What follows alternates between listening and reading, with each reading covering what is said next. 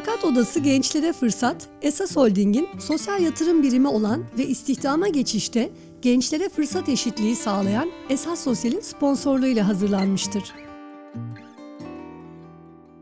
Merhabalar, ben Nuran Taşan. Mülakat Odası'na hoş geldiniz. Yeni sezonumuzda Türkiye'de genç istihdamı ve gençler için fırsat eşitliği konularını ele alacağız. Her bölümde hem gençlerle hem de gençlere yatırım yapan profesyonellerle konuşacağız. Şevket Sabancı vizyonuyla ilk fırsat programı Anadolu'daki işverenlerce daha az bilinen ve daha az tercih edilen üniversitelerden yeni mezun, tam zamanlı çalışma deneyimi olmayan gençlerin sivil toplum kuruluşlarında ilk iş deneyimi edinmesini sağlıyor. İlk fırsat gençlere bu desteği sağlarken de bugüne kadar 16 sektörden 31 kurumsal destekçiyi programa dahil etmiş.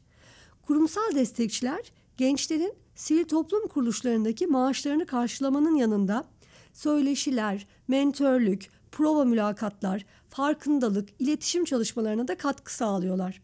Ayrıca katılımcıları insan kaynakları havuzlarına dahil ederek insan kaynakları havuzlarında çeşitlilik ve kapsayıcılığı arttırıyorlar. Mülakat Odası'na hoş geldiniz. Bugün konuğum Kibar Holding İnsan Kaynaklarından sorumlu Başkan Yardımcısı Şennur Kuru. Hoş geldin Şennur, nasılsın? Hoş buldum Nuran. Gayet iyiyim. Teşekkürler. Sen nasılsın? Ben de iyiyim. Uzun yollardan, İstanbul'un trafikli sokaklarından, caddelerinden e, nihayet gelebildik bugün stüdyoya. E, güzel bir program olmasını umuyorum. E, çünkü Şennur'un bize anlatacağı çok fazla şey var. E, hem pozisyonu gereği hem de aslında kurumun yaptığı projeler, e, Kibar Holding olarak e, ele aldıkları meselelerin paylaşılmasını çok önemli buluyorum. E, ama isterseniz önce e, Şennur'un kendi hikayesiyle başlayalım. Nasıl tamam. düştün bu yollara? Nasıl İK'cı oldun? Kolay olmadı aslında bunun seçimi. Ee, ve ben mühendisim e, mühendis olarak e, farklı iş alanlarımız olabiliyor ve insan kaynakları genelde hele ki benim okuduğum zamanlarda öncelikli tercih edilen fonksiyonlardan bir tanesi değildi. Ben nasıl düştüm? Ee, bizim üniversitede Üniversite Sanayi İşbirliği diye kulübün yaptığı güzel bir program vardı.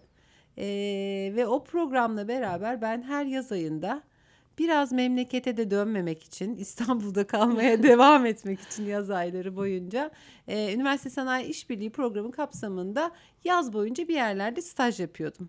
Normalde zorunlu staj bir ay kadardır iki kere ama ben üç sene boyunca üçer aylık dönemlerle bayağı iş hayatında. Memleket neresi? Ben Aksaraylıyım.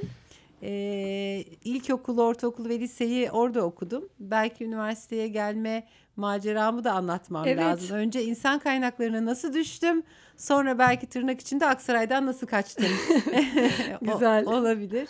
Ee, Üniversite Sanayi İşbirliği programı içerisinde ilk stajım e, çok güzel bir yerdeydi ve insan kaynakları departmanındaydık e, tamamen proje bazlı işler yapıyorduk. Kalder'in e, o dönem kalite ödülleri ilk e, yaygınlaşıyordu Türkiye'de. Kalite ödüllerine hazırlanan şirketler bizim işte öğrenci mühendisleri, bizim gibi öğrenci mühendisleri toparlayıp e, türlü projelerini bize yaptırıyorlardı. Bazen bir Excel veri tabanı yaratmak, bazen hmm. makro, bazen SQL ama hani böyle böyle az konfigürasyon gereken küçük e, tool'ları kodet yazmak ve onların içini doldurmak gibi sorumluluklarımız vardı. Onlar için büyük işler ama. Tabii Onlar, tabii. Bir Excel aynen. veri tabanı bile yoktur yani. Do- o zaman yoktu tabii. doğru. Şu an belki tuhaf gelebilir ama o zaman yoktu. Ee, ve ben insan kaynaklarındaki ortamı, iş yapış şekillerini, e, bize kıymet verişlerini çok sevmiştim. Yani stajyer olarak gidip e, öyle bir muamele görmeyi beklemiyordum. E, işte belki de bizi denek olarak kullandılar ama çok keyif almıştım. Ben ve kendimle ilgili farkındalıklarımın ilk oluştuğu zamanlardır aslında o zamanlar. E, bir kişilik envanteri satın almayı düşünüyordu şirket. E, evet ve demişlerdi ki ya çocuklar size bize iki arkadaşız. Çocuklar size yapalım mı? Atladık tabii biz. Yani tabii. bu fırsat kaçar mı? E, hemen işte envanteri doldurduk. Sonra bize geri bildirim verdiler. Biz çok iyi anlaşan iki arkadaştık. E, o kadar farklı geri bildirimler verdiler ki ne kadar farklı oldu yani iyi arkadaş Hmm. olmaya devam ettik o ayrı ama hani böyle kişilik, kişiliğin işe etkisi, e, profillerin işte verimlilikle ilgili farklılıkları, farklı insanları farklı yönetmek gerektiğiyle ilgili benim ilk hem kendimle Çok ilgili güzel. farkındalığım hem de iş hayatı ve yöneticilikle ilgili ilk farkındalığım olan mesela arkadaşıma şey demişti e, hatırlıyorum geri bildirim veren danışman. İşte seni motive etmek için işte sana daha büyük bir masa vermeliler. İşte ya da sana bir yeni bir bilgisayar, e, ya da yeni bir ortam, ofis ortamı sağlamalılar. Bana da şey demişti, seni motive etmek için seni ek- ekstra bir hafta tatile göndermeliler. Doğrudu bu arada. Hani sana bilgisayar, masa hiçbir şey işine yaramaz. Senin tatile gitmen lazım. E, çok doğru. E, o bu benim bu yorumlar benim çok e, etkilendiğim yorumlar oldu ve e, ne olursa olsun ben insan kaynakları mutlaka deneyeceğim, yapacağım diye çıktım ilk stajdan. İkinci dönemde, de, ikinci senede de yine başka bir şirkette yine insan kaynaklarında 3 ay boyunca çalıştım. Dolayısıyla Bayağı deneyerek uzun uzun deneyimler yani. Evet evet. Ee, e, çok da keyif hem para kazanıyordum. E, çünkü yurt var, para vermem lazım, İstanbul'da Hmm. yaşayabilmem lazım. Hani yaz tatilinde Aksaray'a gitmemenin karşılığı kendi paranı kazanman. Ee, aslında hani burada kendi Tabii. başına ayakların üzerinde durabilirsen Aa, ne dönmeyebilirsin. kadar koşullu değil mi? Ee, evet evet ama ama bir yandan da Öyle, geliştirici, e, çok öğretici. Bunun üzerine ben insan kaynaklarıyla çalışmaya karar verdim. İlk iş deneyimim insan kaynakları değildir bu arada. E, stratejik planlamada başladım ben finans sektöründe. E, o da biraz bütünü göreyim, e, biraz işi anlayayım, geneli anlayayımdı. Sonra bir süre sonra, bir buçuk sene sonra orada çalıştıktan sonra insan kaynaklarına geçtim. Aksaray hikayesine dönelim merak ediyorum. Tamam şahane. Ee, Aksaraylıyım. Ee, ilkokul, ortaokul ve liseyi orada okudum. Ee, tabii sonrasını hayal eden bir çocuktum. Ee, üniversite okumak, işte farklı şeyler yapmak isteyen bir çocuktum. Sağ olsun ailem de desteklediler. Ee, ama mesela işte, evet fena, fena da bir öğrenci değildim. Ee, işte onlar şey hani Ankara'da oku. Ankara'da çok güzel okullar var. Ee, ama ben mümkün olduğunca uzak olsun hani Türkiye sınırlarını aşamayacağıma göre Türkiye sınırları içerisinde en iyi ve en uzak neresi olabilir? İstanbul'u e, la gelmeyi çok istedim. E, dolayısıyla İstanbul Teknik Üniversitesi İşletme Mühendisliğini kazandım ben 95 senesinde. E, ve yani İstanbul'a ilk defa babamla birlikte üniversiteye kaydolmaya geldim. Öyle mi? Evet Ha. ve Ankara'yı bile görmemiştim. Yani gördüğüm en büyük şehir Konya'ydı. Ee, Ankara'yı dahi görmeden İstanbul'a geldiğimin ertesi günü e, Masla şeye indik, e, Harem'e indik, otobüste geldik. Harem'den Maçka'ya geçtik. Maçka'da okula kayıt yaptırıldı. Sonra Maslak'a gittik, yurdum oradaydı. Sonra babam Maslak'ta dedi ki, hadi çocuğum ben Harem'e gidiyorum, otobüse yetişeceğim. Ben ertesi gün Allah. Maçka'ya okula nasıl gideceğim konusunda hiçbir fikrim yoktu. Ee, ama bir şekilde oluyor. Keyifli de oluyor. Gözünü korkutmadı mı yani? Sonuçta koca bir şehir İstanbul. Bence anlamadım. Hmm. Yani anlasaydım korkabilirdim. Haklısın. Ee, ama ben ne kadar büyük bir şey e, ve neler, neyle karşılaşabilirimle ilgili o bilinçsizlik belki e, Evet. ben hani Mantıklı. bilmeden yani evet gerçekten cahil cesaretiyle bence girdim konuya. Ee, şeyi merak ediyorum Şenur. Ee, kolay bir şey değil. Benim de e, İstanbul dışında çocukluğunu, gençliğini geçirmiş arkadaşlarım var ve onlarla sohbet ederken e, halen şunu söylüyorlar. Neticede İstanbul başka bir yer Doğru. ve e, iş hayatında da e, okul yaşantısında da İstanbul'da doğmak, büyümekle oradan oraya gelmek arasında bir şey var. Belki söze dökülemeyen, tam tarifini veremeyeceğim bir şey. İş hayatında e, senin karşına çıktı mı bu? Yani e, iş arkadaşların içerisinde bulunduğun ortamlarda böyle yani bu, bu da biraz Aksaraylılık dediğin bir şey oldu mu? Bir tek bir tek hatıram var eee, bu konuyla ilgili. Bir gün eee, çok da çok seneler seneler evvel de değil aslında. Eee, belki bir 6-7 sene evvel eee, olan bir şey. Eee, bir bir yönetim kurulu üyesiyle sohbet ediyoruz. Eee, bazen şöyle bir şey oluyor. Ya Şenur sen bu pozisyondaysan ya da bu rollerde çalışıyorsan hani işte mutlaka işte tüm İstanbul'un önde gelen e, iyi liselerinden mezun olmuşsundur ve oradan Hmm. İTÜ'ye geçmişsindir gibi bir bence söylenmeyen öyle bir algı oluyor ki muhabbet şöyle işte o kişinin çocuğu o zaman lise giriş sınavlarına hazırlanıyordu yönetim kurulu üyesine. Dedim ki ya niye bu kadar dert ediyorsunuz? Sen niye bu kadar stres var? Hani yazık değil mi e, dediğimde yani hayır hayır o liseye gitmesi lazım ki e, o da ileride işte senin gibi onun gibi bu pozisyonlarda oturabilsin. Sonra dedim ki ya ben lisemin adını söylesem bilmezsiniz. Hadi canım falan diye şaşırmıştı. Ee, hani bi- bana kötü hissettirmek için yaptığı bir şey değildi. Tabii, tabii. Tamamen hani o kendi algısı açısından bir yorumunu paylaşmıştı. Öyle olması gerekmiyor bence. Biraz şans vermek lazım. e, gençlerin şu anda özellikle şu dönemde e, genç işsizliği anlamında e, şanssız olduklarını Doğru. düşünüyorum. Engellere takılıyorlar ama hani işte biz de şimdi çözümleri konuşuyoruz. Mesela e, Şevket Sabancı vizyonuyla ilk fırsat genç işsizliğine çözüm olmak amacıyla bir model geliştiriyor. Kibar Holding bunu kurumsal olarak destekliyor. Aynı zamanda kendisi de e, genç işsizliği alanında birçok yatırım yapıyor. Sayısız şirket var. Yani ne yapalım sadece olmayana mı bakalım? Şimdi olanlara bakalım ve olanları nasıl büyütebileceğimize bakalım. E, ilk fırsat programıyla Kibar'ın e, bir araya gelmesi nasıl oldu? Yani o hikayeyi de merak ediyorum. E, çok da ilginç. E, genelde böyle e, bizim ülkemizde şey olur. Biri bir şey yapar, öbürü de başka bir şey yapar ama bu ikisi asla birleşmez. Birleşmez. E, bu çok e, ilham verici bir hikaye. Evet, yani evet. birlikte aynı amaca doğru gidiyorlar. Ayrı projeleriniz de var. Birlikte de yapıyorsunuz. Biraz o süreci konuşalım mı? Tabii, tabii zevkle. Ee, Kibar grubu yine Onursal Başkanımız Asım Bey'den itibaren ee, hep bir sosyal sorumluluk ve içinde bulunduğumuz topluma katma değer yaratalım, fayda sağlayalım kaygısı olan bir grup aslında.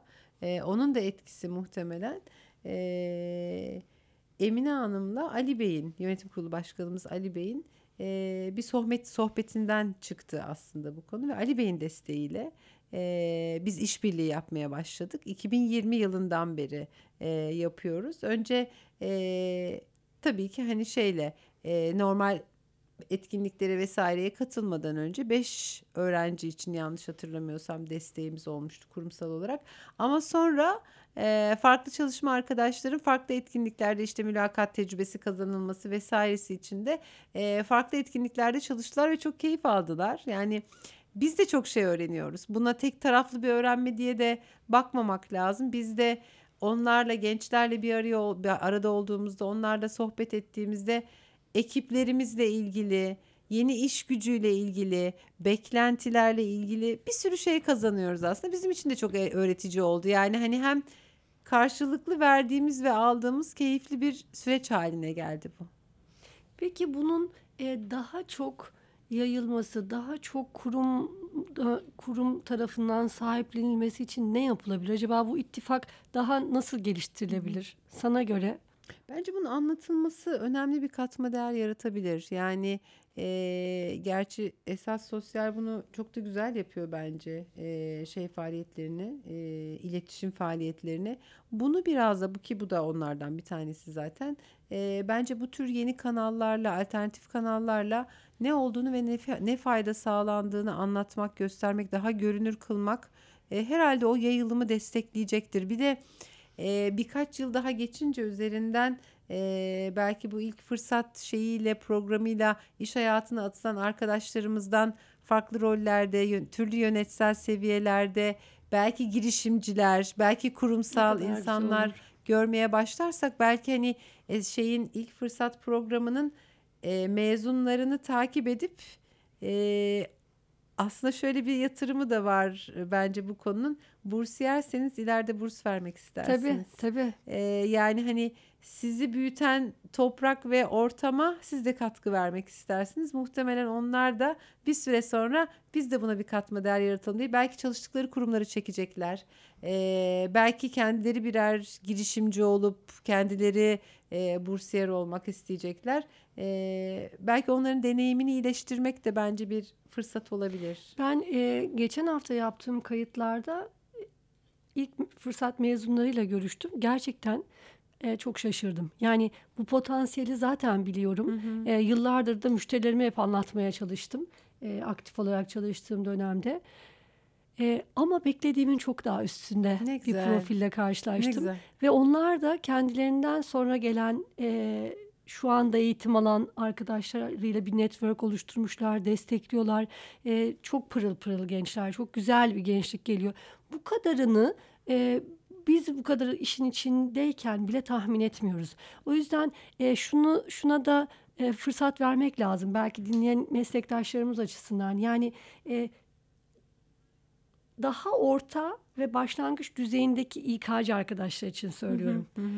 Orada ya hani o eleme ilk etapta Evet, orada doğru, başlıyor ya doğru. yani o CV'yi search eden genelde e, daha başlangıç düzeyindeki arkadaşlar oluyor.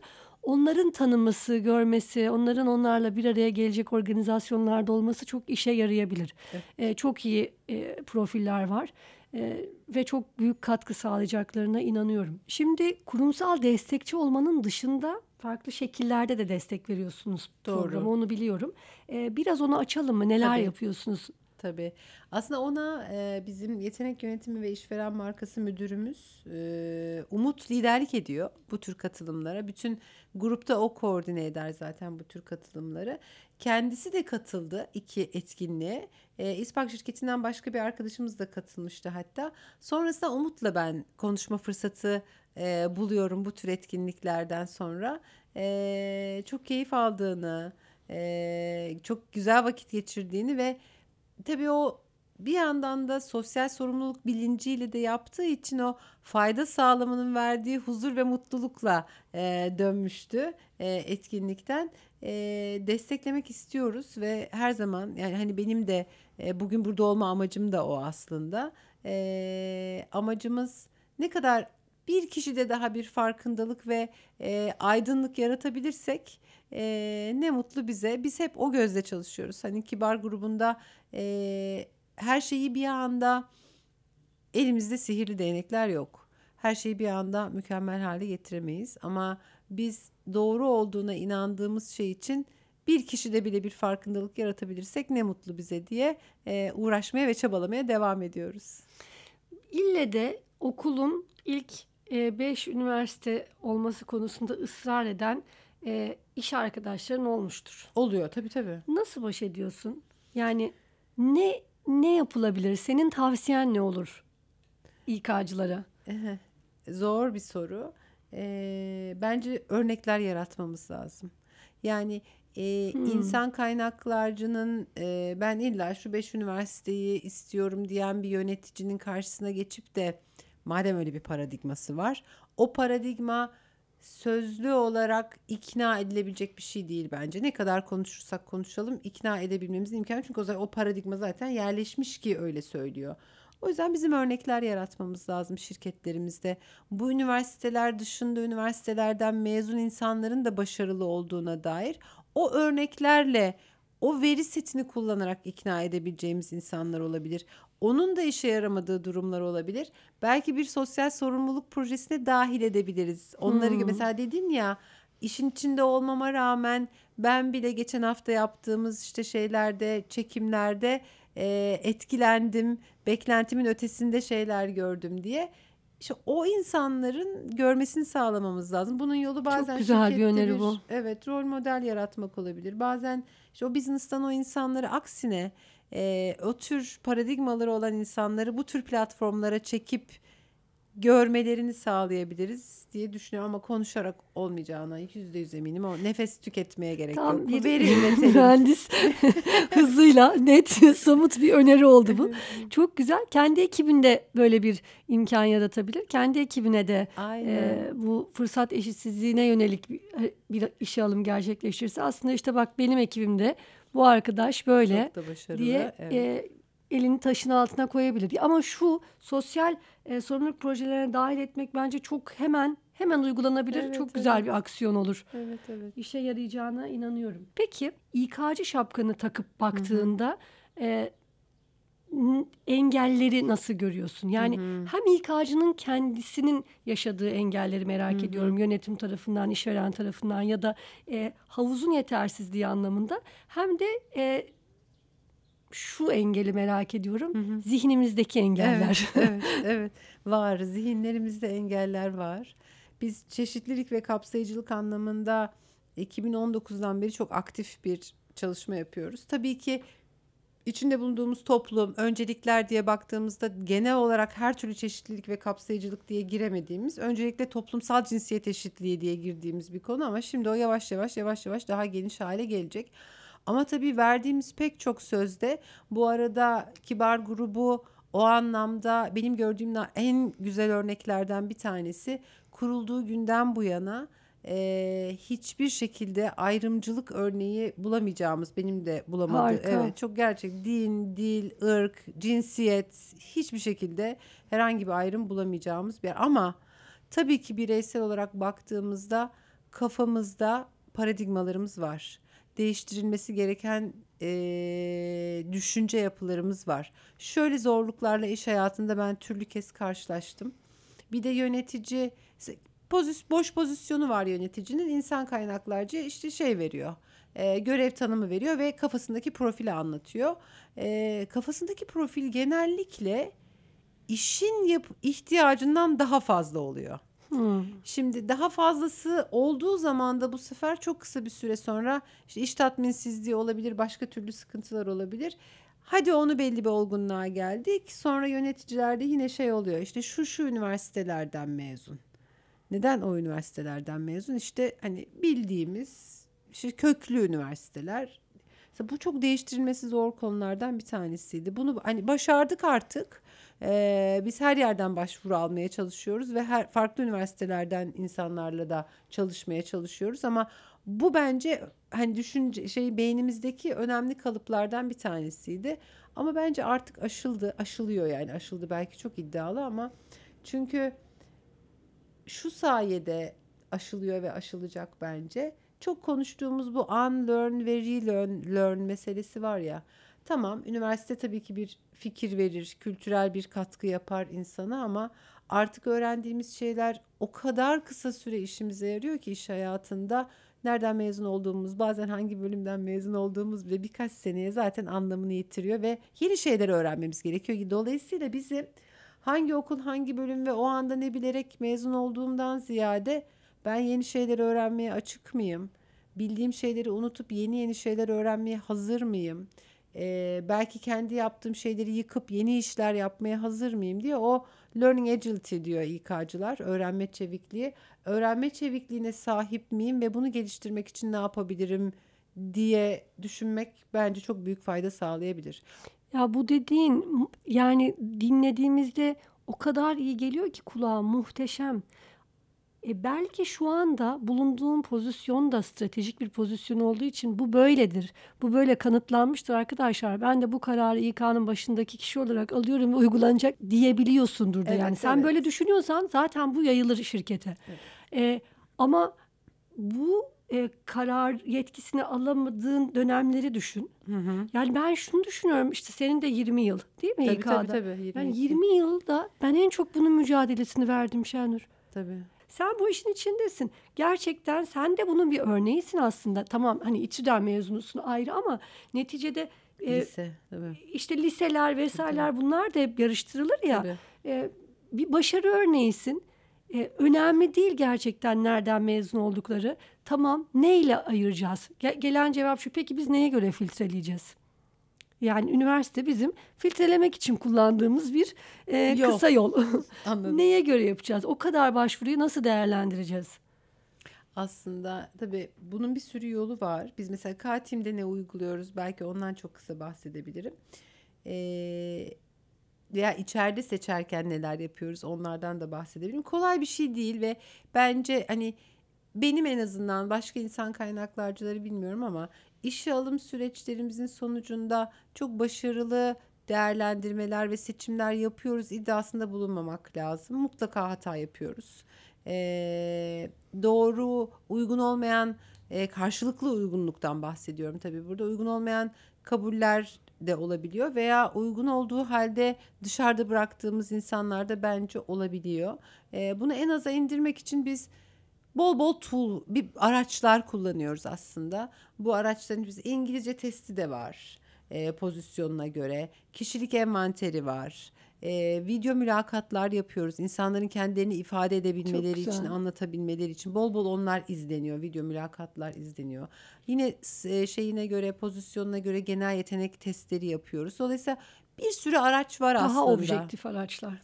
elimizden geldiğince o hale getirmeye çalışıyoruz. Çünkü sonuçta sürece overall baktığımız zaman sonuçta süreç yargısal bir süreç ve subjektif yani bir süreç. Tabii. O yüzden ne kadar çok objektivite katabilirsek o kadar iyi olur. İşte şey de bir subjektivite. Okul adı da bir subjektivite bence. Bilemeyiz. Yani Tabii tabii. aynı okuldan mezun 5000 insan alın, araştırma yapın, 5000 farklı şey görürsünüz. Veya hiç tahmin etmeyeceğiniz, yeni ilk defa adını duyduğunuz bir üniversiteden çok cevher gibi çocuklar da çıkıyor aslında. Çok daha şey oluyor bence bir artısı daha mücadeleci oluyor. Ee, o yeni üniversitelerden ya da işte hani bildiğimiz o birkaç üniversite dışındaki üniversitelerden mezun arkadaşlarımız daha çok mücadele ediyorlar. Daha eee, katma değer yaratma kaygıları ve fayda sağlama kaygıları daha yüksek oluyor. Yani bu belki özündeki motivasyon kendini gösterme de olabilir. Önemli değil. Kendine bir yer açma, yer edinme de olabilir. O da önemli değil ama çıktı olarak ve yaratılan fayda olarak baktığımız zaman ben daha fazla gayret görüyorum.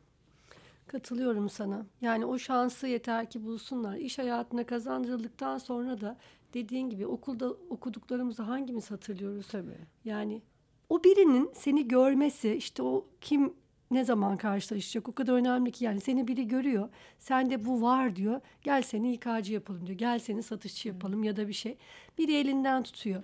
Ee, şimdi artık kurumlar e, çok daha fazla bu konuda e, sorumluluk almaya başladılar. Uzun yıllardır böyleydi ama şimdi daha sürdürülebilir projeler yapılıyor. Ee, sen birçok organizasyona gidiyorsun. Zaten Türkiye'de ilk 50 e, yönetici arasında seçildim bu anlamda. Tebrik ediyorum. Teşekkür o kadar ederim. büyük bir ilham ki. Yani hem kadın olarak bunu yapıyor olman ayrıca arkadaşlar kusura bakmayın. Pozitif ayrımcılığımı olsun. da Evet. yaparım. Ee, hem de e, bu bakış açısındasın ya yani bizim buna ihtiyacımız var. Ama gençlerle sürekli birliktesin onların fikirlerini alıyorsun. Çok yılgın ve mutsuz görünüyorlar. Sen onlara ne söylemek istersin? Onlar kendi adına ne yapabilirler? Biraz gerçi biraz bahsettin demin ama. Ee, ben bu arada genel toplum hani to- genç gençler toplumuna baktığımız zaman genel bir yılgınlık havası görsek de ben bireysel dokunuşlarda hayal kırıklığına uğramadığımı söylemek istiyorum mutlulukla. Ee, çok güzel cevherler var. Canavar gibi gençlerimiz var. Yani tutkulu, ee, aşkla çalışan, meraklı, ne istediğini bilen, ne dediğini bilen ee, bence çok güzel yıldızlar var ve farkındalıkları da bizim nesile göre o kadar yüksek ki belki de o aşırı farkındalık bazen yılgınlığa neden oluyor olabilir. hmm, doğru Ee, ama gerçekten toplu yani genel olarak baktığımızda bunu gördüğüm konusunda evet ben de söylediğinin altına imzamı atarım ama bireysel olarak baktığım zaman ben çok ayrıştırıcı özelliklere sahip, çok tutkulu çocuklar, gençler görüyorum ve bu beni mutlu ediyor. Benim eee, tek tavsiyem olabilir şimdi düşünüyorum. Eee, enerjinizi nereye verirseniz ödülünüzü oradan alırsınız. O yüzden daha pozitifte kalmak, iyiye odaklanmak ve güzele odaklanmak, severek yapmak, enerjinizi oraya vermeniz, ödülünüzü de oradan almanızı sağlar diye düşünüyorum. Ben hep öyle yaptım. Anlattıkların çok kıymetli. Ee, Şevket Sabancı vizyonuyla ilk fırsatım, e, Hayırlı Sabancı desteğiyle İngilizce fırsatım e, programlarına Kibar Holding olarak sizin de destek vermeniz, aynı zamanda kendi e, programlarınızla genç işsizliği konusuna e, çözüm sunmanız çok değerli. Deneyimlerin için çok teşekkür ederim. Bize aktardın. E, ayağına sağlık, eline sağlık. Ben de teşekkür edeyim Nurhan sağ ol. Çok keyifli bir sohbet oldu. Ee, bana da iyi geldi. Benim de ihtiyacım varmış biraz anlatmaya ve konuşmaya galiba. Çok teşekkür ederim. Biz teşekkür ederiz.